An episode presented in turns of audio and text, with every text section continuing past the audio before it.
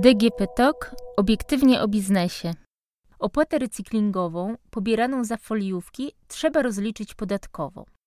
Przepisy zobowiązujące sklepy do pobierania opłaty recyklingowej od przekazywanych klientom plastikowych toreb obowiązują od 2018 roku, ale od 1 września 2019 roku zostały wprowadzone w nich zmiany. Od tego momentu opłatę trzeba pobierać nie tylko od lekkich toreb, to jest poniżej 50 mikrometrów, ale również od grubszych, czyli tych, które mają 50 mikrometrów lub więcej. Oczywiście nadal w przypadku bardzo lekkich toreb z tworzywa sztucznego o grubości poniżej 15 mikrometrów, między innymi popularnych e, zrywek, są pewne wyjątki.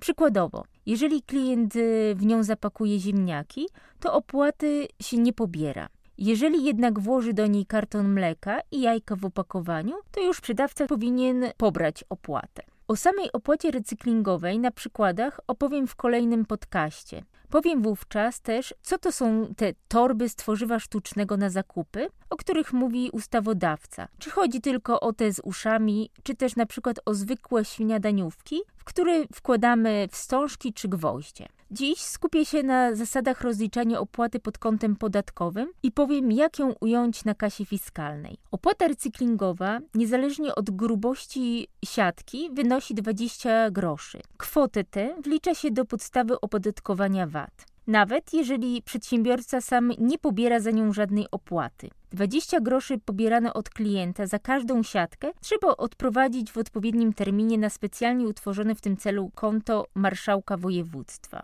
Ponieważ, jak już wspomniałam, opłaty wlicza się do podstawy opodatkowania VAT, to każdy sklepik, który jest czynnym podatnikiem tego podatku, od opłaty recyklingowej musi doliczyć 23% VAT. Oznacza to, że od każdej foliówki, niezależnie od jej grubości, oczywiście z pewnymi wyjątkami, o których wspomniałam, sklepy, czynni podatnicy VAT muszą pobierać minimum 25 groszy. W tym 5 groszy podatku od towarów i usług trzeba odprowadzić do Urzędu Skarbowego. Fiskus stoi bowiem na stanowisku, że opłata recyklingowa jest częścią podstawy opodatkowania. Powołuje się przy tym na przepisy ustawy o VAT, z których wynika, że obejmuje ona m.in. podatki, cła, opłaty i inne należności o podobnym charakterze, z wyjątkiem e, kwoty VAT. W przypadku więc, gdy sprzedawca chce sprzedać siatkę za 10 groszy, to musi od klienta pobrać 37 groszy. 30 groszy, w tym 20 opłaty recyklingowej i 10 e,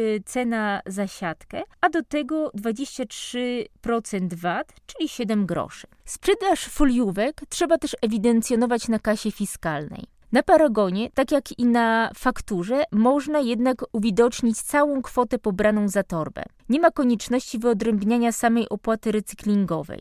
Takie stanowisko przedstawiało Ministerstwo Finansów w sprawie opłaty recyklingowej odprowadzonej od lekkich toreb, ale jest ono aktualne też w odniesieniu do grubszych foliówek. Komunikat w tej sprawie jest dostępny na archiwalnej stronie Ministerstwa Finansów. W 2019 roku bowiem wszystkie resorty zmieniły adresy stron. Przypomnę też, że do końca lipca 2019 roku trzeba było dostosować kasy do nowych wymogów dotyczących przyporządkowania oznaczeń literowych do stawek VAT. Jednak w przypadku oznaczeń dotyczących stawki podstawowej, to jest 23%, nic się nie zmieniło. Nadal jest to litera A.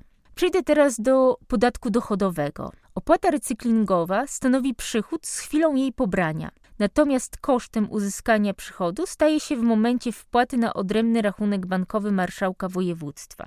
W tym kontekście warto pamiętać, że od 1 stycznia 2020 roku zmienią się terminy yy, jej wpłaty na rachunek marszałka. Dotychczas należało to zrobić do 15 marca następnego roku. Od 2020 roku trzeba będzie to robić wcześniej, bo do 15 dnia miesiąca następującego po kwartale, w którym opłata została pobrana. Dzięki tej zmianie nie będzie już aż takiej rozbieżności między momentem powstania przychodu i kosztu jego uzyskania. Opłatę recyklingową muszą pobierać od swoich klientów również podatnicy płacący ryczałt ewidencjonowany. Ten sposób często rozliczają się na przykład sprzedający warzywa i owoce na osiedlowych targowiskach. Płacą oni podatek od przychodu, bo nie mają prawa do odliczania kosztów. Opłata recyklingowa stanowi dla nich przychód z działalności gospodarczej, ale kosztu nie odliczają. Nie oznacza to jednak, że ryczałtowcy od zebranej kwoty opłaty recyklingowej muszą płacić podatek. Ministerstwo Finansów stoi bowiem na stanowisku, że podatnik w miesiącu, w którym przekazuje zebraną kwotę na rachunek marszałka, może skorygować ten przychód.